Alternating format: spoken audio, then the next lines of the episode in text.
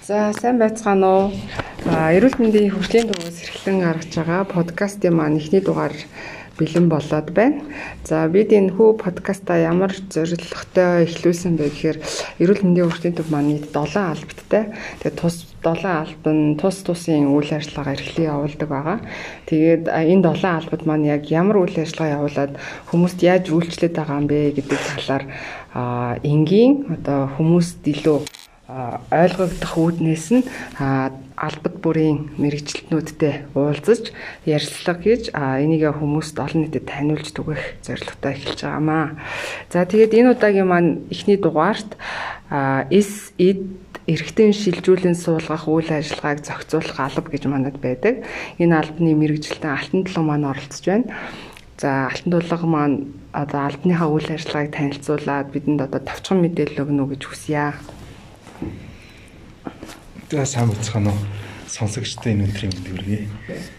За тэгэхээр намайг бол Алтан тулга гэдэг эсэд эрхтнийг шилжүүлэн суулгах үйл ажиллагаа зохицуулах албаны дооны асуудал хариуцсан мэрэгчлэнээр ажиллаж байгаа. За манай албаны хувьд гэх юм бол ер нь бол шинэхэн алба байгаа. 2018 он донорын тухай шинжлэхтэн батлагдаад эрүүл мэндийн хөгжлийн төвийн захирлын тушаалаар 2018 онд анх байгуулагдчихсан. Тэгээ одоо бол ерөнхийдөө 2 дахь жилийн нүрээ үзээд явж байна. Тэгээ яг хөө ерөнхий үйл ажиллагааны хувьд гэх юм бол яг Монгол улсын хэмжээнд TC-д эргэтэн шилжүүлэн суулгах үйл ажиллагааг цогц хэмжээнд нь зохицуулах алба юм да. За ер нь бол албаныхаа нэрнээс эхлүүлээд хүмүүст илүү сонирхолтой байгаах гэж би бодож байна л та. Эс эд эргэтэн шилжүүлэн суулгана гэдэг. За манай монголчууд маань болохоор ийм алба байдаг гэдгийг бас төдийлөө сайн мэдэхгүй байж магадгүй. Аа гэхдээ монголчуудын манд донд одоо хорт хавдар ч юм уу те янз бүрийн шалтгаанд өвчлөл ер нь ихсээд байгаа. Эннийхээ дагуу гадаад улс руу их эмчлүүлэхээр явдгаа. Тэгээ ер нь бол миний бодлоор хувь хүний бодлоор бол эргэтэн шилжүүлэн суулгах талаар бол их гадагшаа явж байгаа баах энэ мөнгөний урсгал маань ч гэсэн их гадагшаа явж байгаа. Тэгээд хоёлоо одоо эхлээд донор гэдэг маань яг ямар нэр томьёо юм бэ? Яг юу юм бэ? Яагаад одоо донорын талаар ярилцах болсон бэ гэдэг шалтгаанаа хүмүүст хэлвэл юу гэж бодож байна. Тийм би ингээд тайлбарлахаас өмнө эхлээд чи яг донор гэж юу гэдэг юм. За миний хувьд бол яг хуу донор гэдэг маань одоо хин нэгэнд өөрийнхөө хэрэгтэй байгаа одоо эдис эргэтнээсээ тий. Гэхдээ одоо би өөрөө миний тархины үйл ажиллагаа одоо зогссон. Цаашид би одоо зөвхөн зүрх маань ажиллаад байгаа ч гэсэн өөрөө сэтгэн бодох чадваргүй, өөрөө өөртөө үйлчлэх чадваргүй болцсон одоо хүн өөрийнхөө эдис эргэтэн одоо эрүүл байгаа эдис эргэтнээ хин нэгэн шаардлагатай байгаа хүнд бэлэглэх гэх юм уу те одоо амьдрал цаашд нь тэр хүний амьдралын уртсгахад хэсэг ч гэсэн хугацаа бэлэглэх үүднээс өөрийнхөө эдис эрхтнээсээ тэр хүнд зориулж одоо бэлгэлэх гэж ойлгож байна л та. Тэр хүнийг л одоо хэлээд байгаа гэж. Ер нь бол зөв ойлгож байна л та. Ер нь А энэ донорын тухай 18 он шинжлэхтгээс өмнө бол яг олон нийтийн ойлголт гэх юм бол яг донор гэхээр зөвхөн цэсний донор гэж ойлгодог байсан тийм ээ. Бид нар ч гэсэн анагаах төгсөн оюутнууд бол 1 2 дугаар курстэй бол энэ цэсний төв дээр бол байнга очиж цусоо гэдэг донор болдог тийм байсан л та. За тэгэхээр яг донор гэж юу юм бэ гэхлээр яг хоёул энгийн үг яриагаар гэсэн тийм. Тэгэхээр ер нь бол дэлхийн нийтийн практикт бол яг донорын үйл ажиллагаа бол яг хоёр төрлийн донор байна л та. Амьд бол амьгүй донор гэдэг хоёр төрөл. За амьд донор гэх юм бол ер нь бол заавалчгүй гэр бүлийн гишүүн байна. Тэгээд бусдад эсэд эрэхтнээ сайн дураар хүчийг ямар нэгэн авлаггүй цэвэр сайн улсын үндсэн дээр ямар нэг одоо мөнгө харахгүй нэ тийм ээ. Ийм үндсэн дээр эсэд эрэхтнээ бусдад бэлгэлэгчийг хэлнэ гэж байгаа юм. Тэгэхээр ингээд амьд донорын хувьд заавалчгүй гэр бүлийн гишүүн байна гэж.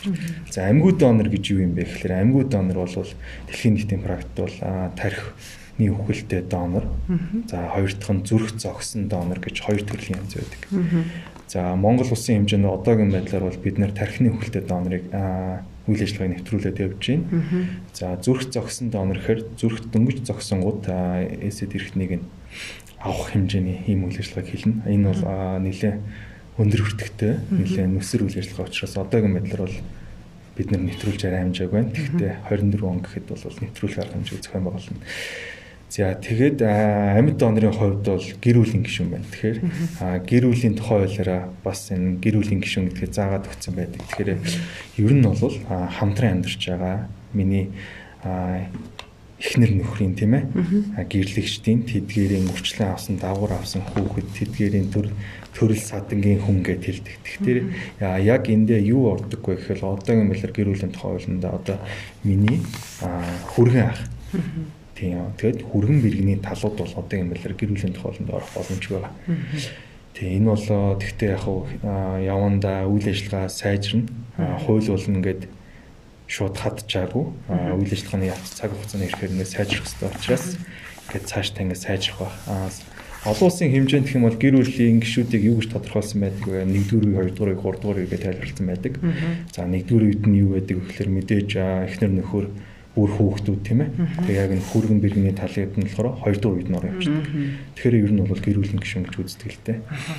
Хоёулын нэгэнт одоо энэ хуулийн заалт яриад эхэлсэн юм чи а ер нь бол амьд донорын хувьд гэр бүлийн тухай хуулиар шийдэгдэв юм байна. А манай энэ одоо үйл ажиллагаа зохицуулж байгаа албаны маань одоо ямар ямар хууль тогтоомж ер нь олон нийтэд таниулах хэрэгтэй юм бэ? Бид нар донор донорын тухай хууль гэж байдаг уу? Хизээ гарсан бэ? Ерөнхийдөө зүгээр товчхон хүмүүс сонирхол болгох үүднээс энэ хууль зүйн талын дүрм журмынхын талаар нь товчхон мэдээлэл өгвөл ямар? За Тэгэхээр донорын тухай хууль бол 2018 онд шинжлэхдээ батлагдсан. Тэгэхээр legal зэг инфогоос донорын тухай хууль шинжилсэн хариулга гэж хайхлаар донорын тухай хууль гарч ирнэ. За бид нэр өөр гэх юм бол эрүүл мэндийн сайдын 2018 оны А500-аас А504 дугаар тушаал 2019 оны А164 дугаар тушаал гэх мэт яг эсэд эрхтний шилжүүлэн суулгуул ажиллагаатай холбоотой тушаалуудыг тушаал журам хуулиудыг үйл ажиллагаанд хэрэгэлдэг байна. Тэгэхээр одоо за гинт үсэрч магадгүй. Гэхдээ ямар нэг байдлаар хоёлаа одоо хин нэг гэр бүлийнхээ хүнд би одоо энэ одоо шүрмэс жишээлбэл одоо нэг ECL буюу шүрмэс тасрах ч юм уу тэр гинт айгүй их тохиолдлог болсон байл да одоо залуучууд маань спортоор хичээлдэг баснаас энэ төр үүдээд одоо хин нэг нь тэр гинцэн хүндээ шүрмэс энтрээ одоо өхөөр болоход зайшгүй тийм хуулийн мэдлэг би өөрөө мэдсэн байх шаардлагатай. Эсвэл одоо зөвхөн таад дээр ирж уулзаад энэ талаараа дэлгэрэн мэдээлэл аваад одоо шурамсаа шилжүүлэн суулгахт нь одоо тий донор болох ч гэх юм уу ийм үйл явцыг ер нь ямар үйл явцыг яаж явж ээж энэ үйл ажиллагаанд ч оролцох боломжтой вэ? Одоо огт мэдгүй хүн гэсэн үг л дээ. Хин нэг нь бэртэд гимтчдэг. Гэтэл нөгөө шаардлага гараад ирдэг. Одоо зайлшгүй гадагшаа авах бай чадамжгүй хүмүүс бас байна тийм ээ. Тэгэхээр энэ талаар ямар шат дараалал ер нь дамжих вэ? За тэгээд тэгээд хоёлын ярихаас өмнө ер нь бол яг энэ эртний шилжүүлэн суулгах имчилгээнд маань яг EC дэрэгтэнлгээд байдаг тийм ээ. Тэг яг юу ордог вэ гэдэг. Аа яг зөв дээ. Ахаа. За эс гэдэг дээр маань одоогийн байдлаар улсын нэгдүгээр түвшингэл дээр яс боломж өмнөөс үүдлээс шийдвэрлэн суулгаж байна. За өөр эс гэх юм бол үндгээс, бэлгээс гэх мэт тийм ээ үр шилжүүлэн суулгах имчилгээнд эсүүдийг ашиглаж байна. За одоо энэ жилээс цэвэр үүдл эсийг өөхнөөс ялгаж авч яа төрөл бүрийн аргаар ингээд ялгаж авч имчилгээнд нөгөө эдгэршгүй өвчин чихрийн шижингийн хүндрэлийн зэрэг идэхгүй шархуу зэргийн өвчнүүд хэрэглэх үүдлэсийг ялгаа авч шилжүүлэн суулгаж байна. За эд гэхлээр шүрмэс орж байгаа. Шүрмэс шилжүүлэн суулгах. За хоёрт нь хэм бол нүдний эвэрлэг буюу корнea шилжүүлэн суулгах хэмээц орж байна. За мэдээж эргэтэн гэх юм бол одоогийн байдлаар Монгол улсын хэмжээнд элэг бөөр За арьс шилжүүлэн суулгах чинь. За одоо энэ жилээс нойр булчирхай шилжүүлэн суулгана.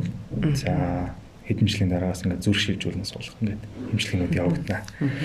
За тэгэхээр яг ингээд эртэн шилжүүлэн суулгах яг донорын үйл явц яг яаж явагддаг вэ гэхлээр ер нь бол яг донор болох илэрхийлэх ингээд зарчим байдаг л та. Одоо дэлхийн нийтэд донор болохоо илэрхийлэх ингээд үйл ажиллагааг зохицуулсан хоёр төрлийн систем байдаг. Opt in буюу opt out гэдэг нэг хоёр төрлийн систем байдаг. За opt out гэдэг систем маань одоогийн байдлаар бол шингээний орнууд байна.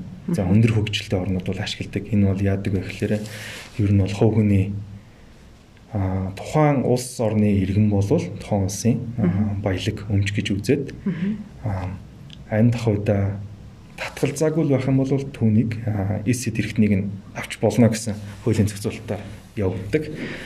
За Монгол улсын хэмжээнд бол opt-in гэдэг системээр явагддаг. Opt-in гэдэг систем манай хувь хүний эрхэн дээр үндсэн дээр үндэслээд заавалчгүй зөвшөөрөл авдаг.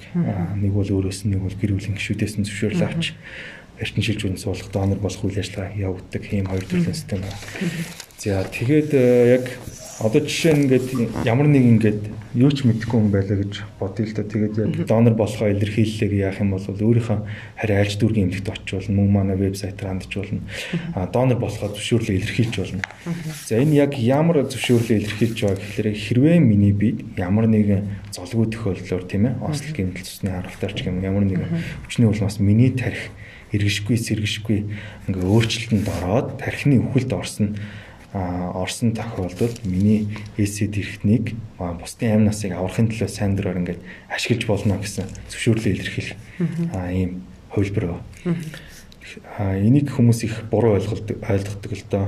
Ер нь бол Монгол муу ёрлоо. Тийм муу ёрлоо гэж ойлгодог. Гэхдээ тэрнээс гадна нөгөө одоо яг хав ганц нэг монгол кинонууд бас жоохон буруу тайлбартай явцсан л та.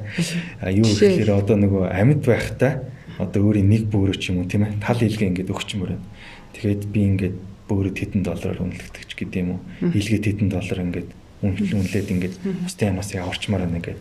Иймэрхүү байдлаар манад их ханддаг. Энэ бол ямар нэгэн боломжгүй байгаа. За яг донор болоход зөвшөөрлийг илэрхийлэх нь түрүүн миний хэлсэн ямар нэгэн ингээд гимтэл уучраад тархин эргэс хэрэгшгүй өөрчлөлт орсны дараа л тэр хүнийг ингээд эсэд эрхнийг авч болно гэсэн л донорын карт ба. Аа. Аа хэрвээ одоо миний ойлгосноор бол нөгөө тархины өвгөлтэй болсон тохиолдолд эдис эрхтний өвгөний талаар сая ярьлаа тий. А нөө амьд донороос шилжүүлнэ гэж байгаа шүү дээ тий. Энэ тохиолдолд яг нь За тэгэх юм бол яг Монгол улсын одоо статистик үзүүлэлтийг харна л да. Манай өвлийн төвөөс гаргаж байгаа. А яг эртэн шилжүүлэн суулгуулах тийм зайлшгүй шаардлагатай одоо өвчнүүд байна тийм ээ. Яг ингээд илэг солиулахгүй л бол бөөр солиулахгүй л бол ингээ өнөө маргаашаа хүлээдсэн. Ингээд амьдралын ингээд нас нь хэдэн сараар хэмжигдсэн хүмүүс байгаа л да. Ер нь бол илэгний циррозтой, илэгний циррозын хүндрэлүүд, илэгний хавдар, бөөрийн дутагдал, архаг дутагдал тийм ээ.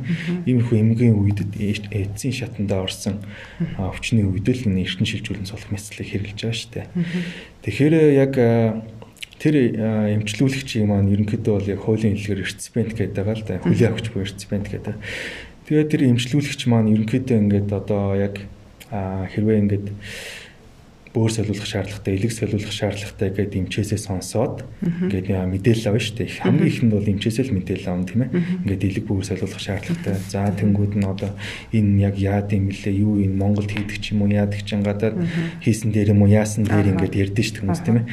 Тэгэхээр яг тэр эмчнэр маань альч эмнэлэг байж болно, хувийн эмнэлэгч байж болно. Ерөнхийдөө бол яг Монгол улсын хэмжээнд улсын нэг дүр төвийн эмнэлэгтэр бөөр элэг шилжүүлэн суулгаж гин хавдар судлалын үндэсний төв дээр элэг шилжүүлэн суулгаж гин гэдгийг заашгүй хэлж явах шаардлагатай гэж боддог л доо. Тэгээ яг энэний үндсэн дээр гадаад явах уу Монгол явах уу гэдгийг шийдэх байхгүй. Мэдээч гадаад явуул эн чинь олон өндөр төлбөртэй юм яцаас тийм ээ. За Монгол улсад яг хийгдэх юм бол нөгөө өндөр өртөгтийн мэтлэлаараа одоо шийдэгдээд 75% нь улсаас тааж юм. Төлбөрийн хувьд ч гэсэн илүү хүн. Төлбөрийн хувьд хамаагүй илүү хөнгөлөлттэй 25%-ийг л иргэн гаргаж. Аа яг 25% иргэн гаргах юм бол ер нь бол бөөрийн мэс цослол нэг бөөр илэг хоёулаа л ер нь нэг 10 хүрэхгүй сая төгрөгийг хөв хүнээс гаргаж байгаа. Тэгэхээр энэ бол маш иргэндээ ээлтэй ийм хөнгөлтэй мэс цослоо. Тэгээ яавал заавалчгүй иргэнээс ингээ 25%-ыг гаргах гэдэг байна гэхээр мэдээч тэр хүн өөрийн биеэ ингээд эргэтэн шилжүүлэн суулгуулах болтлоо ингээд хүний бие би юм шиг хариуцлагыг ашиглаж байгаа байхгүй юу. Тийм. Тэгэхээр ер нь мэдээж эн чинь тодорхой хэмжээний хувийн хариуцлага байж таарна тийм ээ. Өөрийн юм шиг л гоёлаа. Хүний юм шиг л ингээд өөрийнхөө биеийг ингээд үл хайхсны үндсэн дээр л ингээд их эртэн шилжүүлэн мэт л орж байгаа л да. Тэгээд яг амьд донорын хувьд тэр хүмүүс маань ингээд за ингээд бөөр илэг солиулах шаардлагатай. За нэгдүгээр эмнэлэг дээр очиод ингээд инженертай нь уулзлаа. Аа шинжилгээгээ өглөө. Тэнгүүд за донор болох нь одоо тэр За донор болох нь ямар юм бэ? Гэрүүлийн гишүүн байх хэрэгтэй. За нөгөө гэрүүлийн гишүүдээс ингээд хайна. Нөгөө яг за тэр л ингээд тохирно гэсэн юм байхгүй ш. Тин чин бөөрөн дээр нөгөө эднийслийн тохироо шаардна, илгэн дээр нууцны бүлгийн тохироо шаардна тийм ээ. Ингээд эднэн тохирсны дараа л яг тэр хүн а яг эртэн шилжүүлэн эртэн авах мэдсэл орох боломжтой болдог. Донор болох бол шалгуурыг хангадаг байгаа тийм ээ. Тэгэхээр тэр хүн маань заавалч гэрүүлийн гишүүн хоёрт нь тэр эдний эзлийн тохироо зүсний тохирооныг хангасан байх хэрэгтэй л да. Тэгэхээр ерөнхийдөө яг эмнэлгүүд дээр координаторууд байгаа. Тэдэртэй уулзаад ингээд эртэн шилжүүлэн суулгах мэдслийг ингээд зөвлөгөө бүрэн зөвлөгөөг авах боломжтой байна.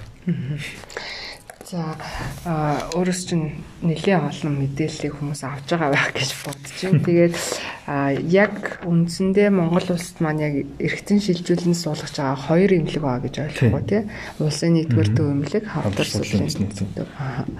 Аа нүдний эвэрлэг, шөрмөс зэрэг одоо тий бусад эдис эргэтнүүдийн шилжүүлэн суулгаж байгаа гэсэн. Энд нар маань одоо хаана явагддаг вэ? За бусдын хувьд гэх юм бол яг энэ дэр эргэтэн дээр нэмж хэлэхэд бол энэ жилээс их хүүхд эрүүлдэг мэндийн үндэсний төв маань Японы Япончуудтай хамтраад нэгдүгээр эмнэлэгтэй хамтраад нэг гурван гэрээгээ байгуулсан байгаа. Тэгээ энэний үр дүнд яг хүүхдэд элэг бөөр ясны ч юм уу шилжүүлэн суулгах мэтлийг ингээд орон нутгтаа Монгол улстай ингээд нутгшуулах гээд бид нэр ажиллаж байна л да. За эд гэх юм бол шүрмэс нүдний эмнэлгүүд орж байгаа тийм ээ. За шүрмэс гэх юм бол яг а тархины хөлтэй доонороос ингээд шүрмэс аваа шилжүүлэн суулгах боломжтой. Энийг яг одоо хийж байгаа эмнэлэг гэх юм бол улсын нэгдүгээр төв эмнэлгийн а нөгөө юу лээ үе судал хэрх үе судлалын төв маань хийж байгаа. За эвэрлэг гэх юм бол ерөнхийдөө бол хувийн эмнэлгүүд хийж байгаа. А саундра. За болор милими гих мэт ингээд нүдний эвэрлэг шилжүүлэн суул хувийн эмнэлгүүд хийж байгаа. За эс шилжүүлэн суулгах гэдэг дээр мэдээж үр шилжүүлэн суулгах эмнэлгүүд маань орж байгаа. Бас хувийн эмнэлэг. Тийм, үр шилжүүлэн суулгах эмнэлгүүд маань бүгд хувийн эмнэлэг, улсын ганц эмнэлэг байгаа. Их хөвгт эрүүл мэндийн үндэсний төв. За хувийн эмнэлэг гэх юм бол RMC, OGMED, за Unimed, CLWH гэх мэт орж байгаа. За эдээс эргэтэн шилжүүлэн суулгах гэд хоёлаа нэлийн энэ дээрээ поинтлаад одоо тий илүү анхаарал ярьлаа. А гэтэл бас нөгөө гадны улс орнуудад маань өндгөн эсэ тий эр бэлгийн эсэ ч юм уу нөгөө хадгалуулаад нөө бүр хожим хонч юм уу хэрэг хүүхдтэй болохоор бол тий ашигладаг тий бас нөө одоо нөө хүүхдийн төрсний дараа хүйг нь авч үүдлээсэн нас тий. эднэрийг хадгалуулдаг банкны банк гэж одоо байдаг. Энэ талаар Монголд маань байгаа юу? Яг бүр улсын хэмжээний их гэж байх уу? Бас хувийн эмнэлгүүд дээр энэ талаар хариулна Яг энэ талаар гэх юм бол энэ чинь EDC банкны банкны асуудал л да. Аа дэлхийн улс орны практикад бол зарим нь яг хувийн EDC банкнуудтай ч байдаг, улсын банктай ч байдаг. За бид нэр яг үндэсний аюулгүй байдлын зөвлөл эрүүл мэндийн яамтайгаа ярилцаад ер нь бол улсын хэмжээнд нэг л улсын харьяанд ECT банкыг ингээд байгуулах талаар ажиллаж байна. 2024 2020-оос 2024 оны стратеги төлөвлөгөө За засгийн газрын мөрийн хөтөлбөрт орон үйл ажиллагаа маань эхлээд ингээ явж байгаа. Тэгэхээр энэ бол мэдээж улсын харьяанд байх хэвээр ECD банк байна. За яг ECD банк гэхлээр хүмүүс яг юу яриад байгааг ойлгохгүй байгаа л та. Тэр нь бол ер нь бол яг хүн цэснаас үүдэлсийг ялгаа аваад яг энэ яг ямар зорилгоор ялгаа аваад гэх юм ингээд дөнгөж төрөнгүүд нь түүнээс ингээд хүнснээс үйлсийн ялгаа авчиж байгаа. За ингээд хэдэн жилийн дараа нөгөө өмнө ямар нэгэн байдлаар өвдөх ч юм тийм ээ. Өвчнөд учирсан тохиолдолд нөгөө өвдлөөснөөс нь нөгөө өвчнөг нь ангаах эсийг ялгаж аваад эмчилгээний эмчилгээний зорилтоор ашиглах юм байна. Энэ бол маш өндөр технологи, маш өндөр зардалтай одоогийн байдлаар бид нэр ингээд сангийн яам бусад ингээд яамдуудад саналаа өгсөн. Ингээд дэмжигдээд ингээд явж байгаа. Яг одоогийн байдлаар бол баахгүй байна. Харин нөгөө бэлгийн эсийн хувьд гэх юм бол яг хувийн эмнэлгүүдээр маань Аа яг банкны төвшөнд биш яг жижиг хэмжээний банкуд бол байгаа. Аа нөгөө яагаад тэгэхээр нөгөө эр бэлгийн хэсгийн тий эр бэлгийн хэсгийн банк байна, өндгийн хэсгийн банк байна. Эдгэрийн нөгөө дараа нь шилжүүлэн суулгах хэмжлэгэнд ашиглаж байгаа л та. Аа за одоо яг үүсч хөгжиж эхлэж байгаа учраас би илүү нөгөө уулын дэлгэрүүлээд ямар үн төлбөртэйгээр хадгалуулдаг вэ гэж асуух гэж байсан. Гэхдээ үйл ажиллагаа нь эхлэх байгаа учраас. Яг сонирхуулах гэх юм бол 90 үеийн эсгийг би яг хуу дэмжлэгт хяналт хийсэгээ сонирхуулахад асуусан л да. 90 үеийн эсгийг бол ер нь сарын 60 мянга лөө тэргээр. Нэлээд гайгүй үн хүртэг гайгүй боломжийн үнэтэй хадгалдаг байна. За За сонсогчдоос үлцэл чи би жоохон үсрээд юм асуучлаа. Эргээд эдис эргэтэн шилжүүлэн суулгах үйл ажиллагааны хад талаас лавлаж асуух гэхээр одоо ингээд манай нийт иргэдээс маань одоо тий элэг бөөрөөр шилжүүлэн суулгуулдаг гэж хэрвээ одоо ямар нэг байдлаар шаард одоо нэг хүн маань шилжүүлэн суулгах болоход хэр их удаан хүлээх вэ? Одоо хүлээх чагсаалтанд гэж орох орох уу эсвэл өссөн үедээ л маргааш нь гэж шилжүүлэх боломжтой байдаг юм уу? Энэ талаар ер нь хариулвал ямар? За энэ бол мэдээж чухал асуудал байгаа. Нөгөө нэг би түрүүний хэлсэн элэг бөөр солиулах шаардлагатай хүмүүс маань а нэг зарим нь ингээд амьд донороор нөгөө гэр бүлийн гишүүдээсээ донор олоод ингээд эрчим шижүүлэн суулгах хэмжлэгээ хийлгээ явчихж байгаа. За нөгөө яг гэр бүл нь тооц хөөнтэй ч юм уу нөгөө гэр бүлийн гишүүдээс нь донор нь олдохгүй шалгуурт нь тэнцэхгүй хүмүүс маань тархины хөлтэй донор хүлээлгийн жагсаалтанд ордог ба. Энэ яг ямар зорилготой гэх юм гэх юм бол хэрвээ тархины хөлтэй донор орох юм бол энэ хүлээгч жагсаалтнаас холбогдох ингээд журам зааврынхаа шалгуурынхаа дагуу ингээд эртэн чиглүүлнэ. Эртэн хуваарлах систем маань явагддаг. За яг одоогийн байдлаар гэх юм бол элэг бөөр солиулах шаардлагатай бөөр солиулах шаардлагатай 319 хүн байна тийм ээ. Элэг солиулах шаардлагатай 255 9 ч юм уу шилжүүлэн суулгуулах шаардлагатай 11 гэдэг өвчнүүд маань хүлээлгийн жагсаалт нь хүлээж байна. За энэ хүлээлгийн жагсаалт нь ингээ хүлээнгүүд яг ингээд хүлээлгийн жагсаалтны хамгийн ихэнд байгаа хүн хамгийн ихэнд орно гэсэн үг биш л дээ. За жишээ нь яг ингээд өнөөдөр тархины хөлтөд донор гарлаа гэж бодоход тэр тархины хөлтөд онор юмхан цусны бүлэг эдний эслийн тохироогоос нь хамаарад нөгөө хүлээлгийн жагсаалтанд маань за баруун бүр нь ямар хүн тохирохын нөгөө цусны бүлэг эдний эслийн тохирооноос үзээд нөгөө багууд маань шалгуур үзүүлэлтээ хийсний дараа тодорхой хэмжээний хүмүүсийг ингээд дууддаг ба. За элэгч гэсэн ялгаагүй тийм ээ. Ингээд дуудангууд ерөнхийдөө энэ энэ үйл явц маань ажлын бус цагаар амралтын өдрүүдээр ч гэдэг юм уу тийм ээ. Өдөр шөнө хизээч хамаагүй ингээд хүлээлгийн жагсаалтанд байдаг хүмүүс маань ингээд ярьж холбогддог ба. За ингээд ярьж холбогдонгууд та одоо ингээд нэг цагийн дотор ирэх боломжтой юу гэж асуудаг. Тэгээ нэг цагийн дотор гэхээр ерөнхийдөө бол хотод ойролцсон хүмүүс маань л шилжүүлэн суулгах боломжтой болчиход байгаа. Энэ бол одоогийн байдлаар дөнгөж манай аль байгууллагад 2 жил болж байна. Яг хөө жоохон ингээд хомигдмал байгаа л та. Тэгээд манай аль бол ингээд түүнийг хөгжүүлээд бүх аймаг улс орнуудын онгоцоор тээвэрлэх юм уу тийм ээ энэ үйл ажиллагааг цаан байгуул ажиллах болно. Яг одоогийн байдлаар бол яг залгаал нэг цагийн дотор та ирэх боломжтой юу ингээд асуудаг байгаа. Тэгээд яг ирэх боломжтой бол ирээд нөө шинжилгээнүүдээ өгöd. Энэ хүлээлгийн жагсаалтанд орохын тулд ингээд заавалчгүй шинжилгээнүүд өгдөг ба. Тэр нь ямар ба гэхээр хэрвээ тархины хөлтөд донор гарах юм бол тархины хөлтөд донор гяс шинжилжэнгүүд нөгөө өөрийнх нь шинжлэх бэлэн шинжилгээнд дээр л хоорондын тохироонуудыг хийгээл яг нөгөө э, тохироонууд үүсчих. Таарж цаг хугацаагаар хэмнэх үүднээс л иймэрхүү үйл ажиллагаа явж байгаа яг нэг хүлээлгийн жагсаалтанд орсноос ингээд цаг хугацаа хэлэхэд энэ бэрхэлтэй. Аа нэг жил хүлээсэн ч байж болно. Нилээ хэдэн жилч хүлээж хүлээх магадaltaй. Ер нь бол хизээч гарах боломжтой. Энэ маань яг манай аль байгууллагаас хойш гэх юм бол энэ маш графикийг харах юм бол нэлийн өндөр явж байгаа л да. Манай л 2018 онд байгууллаа гэхэд нэг тархины хөлтөд оноос 2 бүр шилжүүлсэн суулгасан. 2019 онд юм бол 11 9 тархины хөлтөнд оноос 11 бүр 8 элэг гээд 19 хүлээлгийн чагсаалтанд байсан хүмүүсийг амнаас энэ аварсан байна тийм ээ. Зохицуултыг бол илүү хялбар болгож тийм хүмүүст ойлгомжтой эмнэлэг. Эмнэлгийн одоо үйл ажиллагаанд илүү одоо хэлбэрчилжтэй хүн болж байгаа гэсэн үг юм байна шүү дээ тийм. Тэгээ иймэрхүү байдлаар л ер нь хүлээлгийн жагсаалт зохицуулагддаг. Тэгээд ер нь яг энэ хүмүүс асуудаг л да. Ер нь яг энэ донорын үйл ажиллагаа, танаа албаны үйл ажиллагаа ер нь яг яаж явагддаг юм бэ гэдээ их сонирхдаг. За тэгэхээр ерөнхийдөө бол манай албан маань 5 хүний бүрэлдэхүүнтэй л ажилладаг.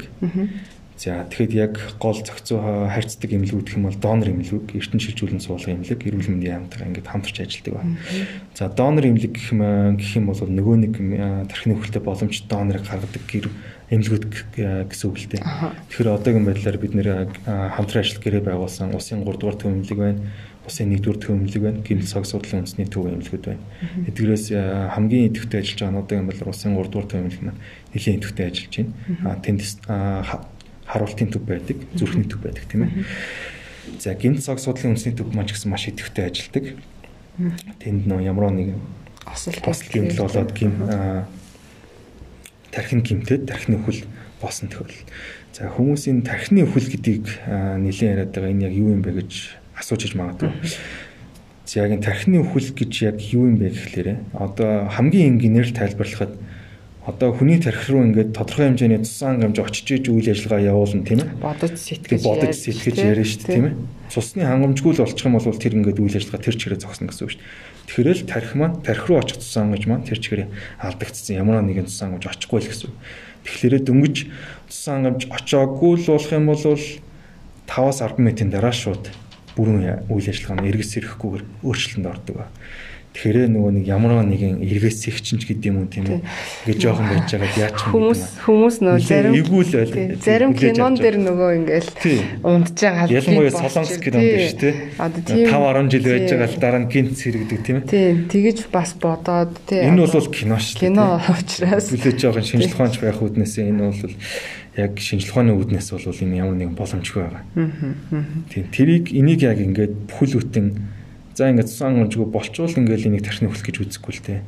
Бүхэл бүтэн баг байгаа. Тархины хөлт тодорхойлох баг байгаа. Тухайн эмнэлгийн эмчилгээ ирсэн орлогч дараагаар ахлуулсан баг хоёр удаагийн үслэгээр хийдэг. Энэ яагаад хоёр удаагийн үслэг гэхээр эхний үслэгээр тархины хөлөө ингээд бүх рефлексүүдийг үүснэ.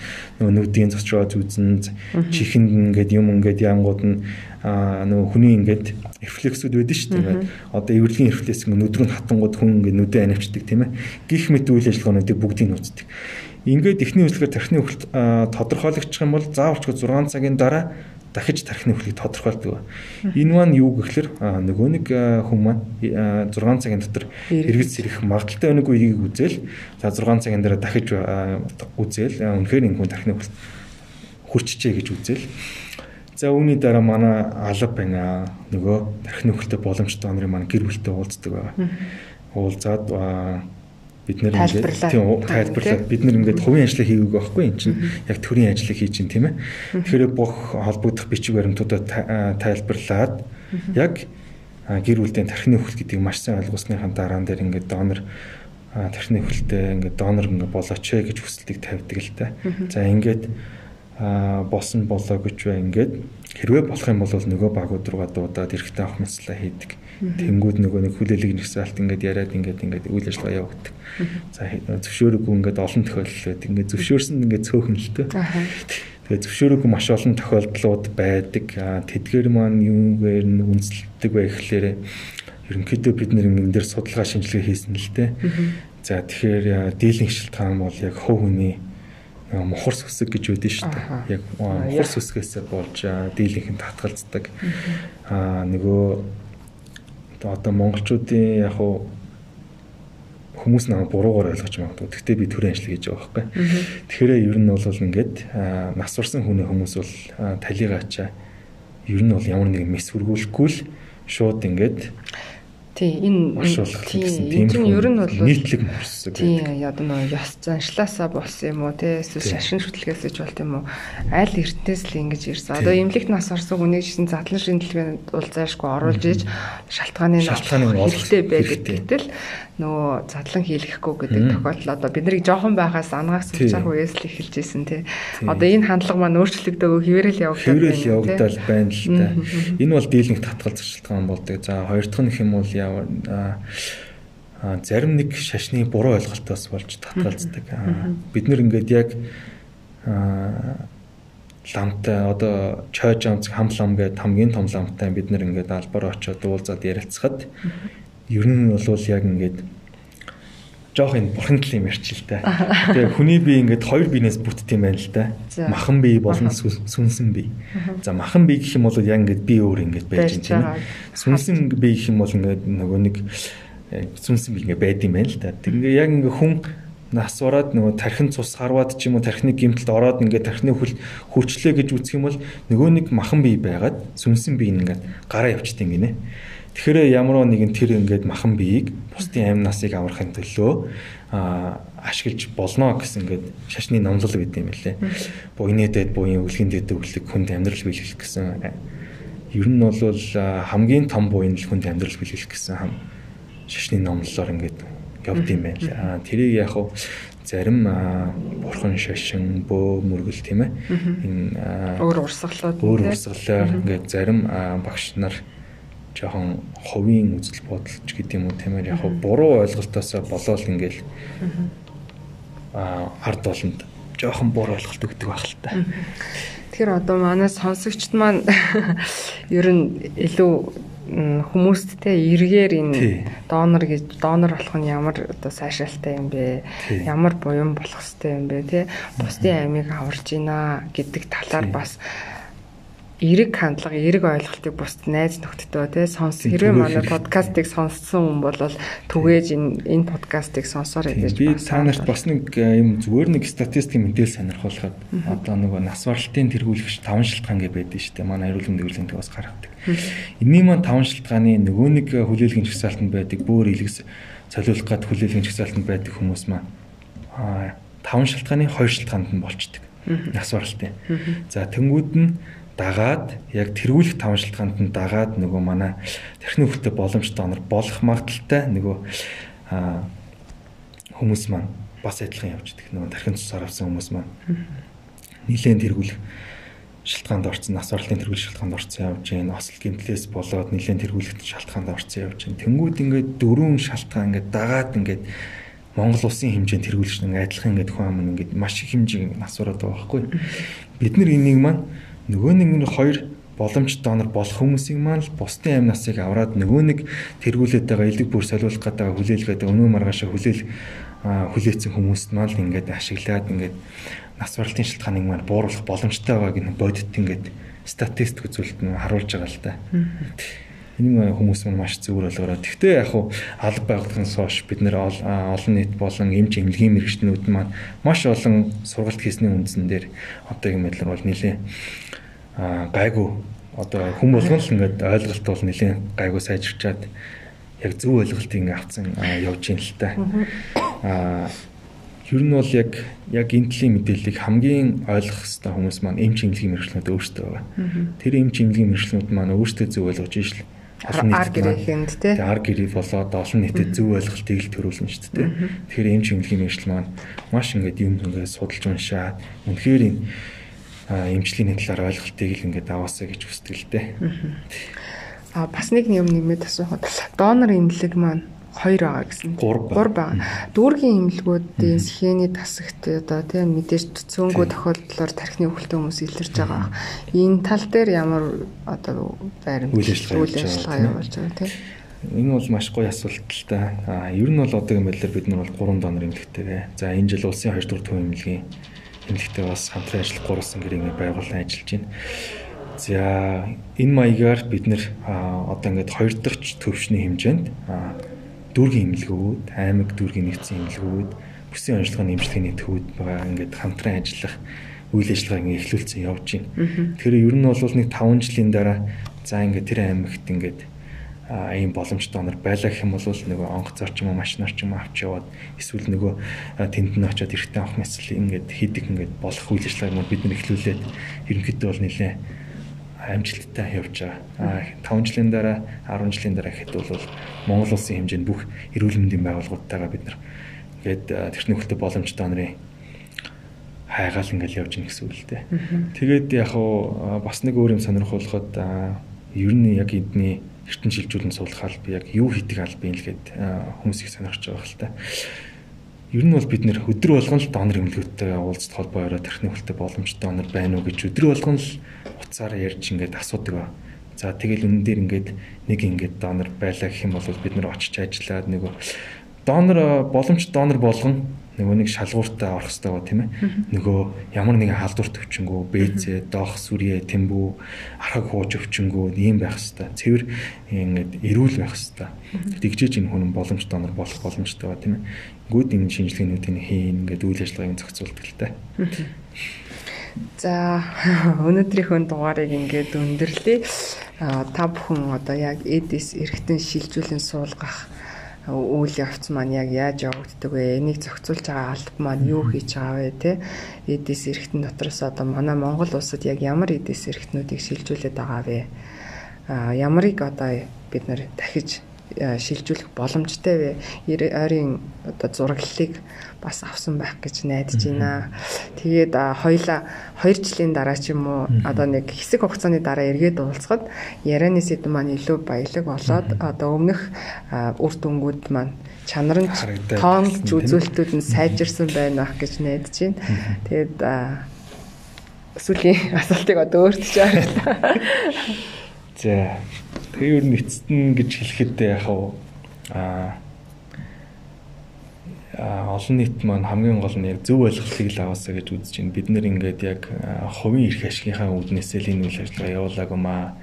Хамгийн бидний хамгийн гол зорилго маань Монгол улсын иргэнийг, Монгол улсын хүн амыг аврах зорилготой юм ганц өөрийнх нь нутаг дэвсгэр дээр тий. нутаг дэвсгэр дээр хамгийн үлэгдэл чирэгдэлгүй ачаан дээр нь хөндрөл дарамт багтай.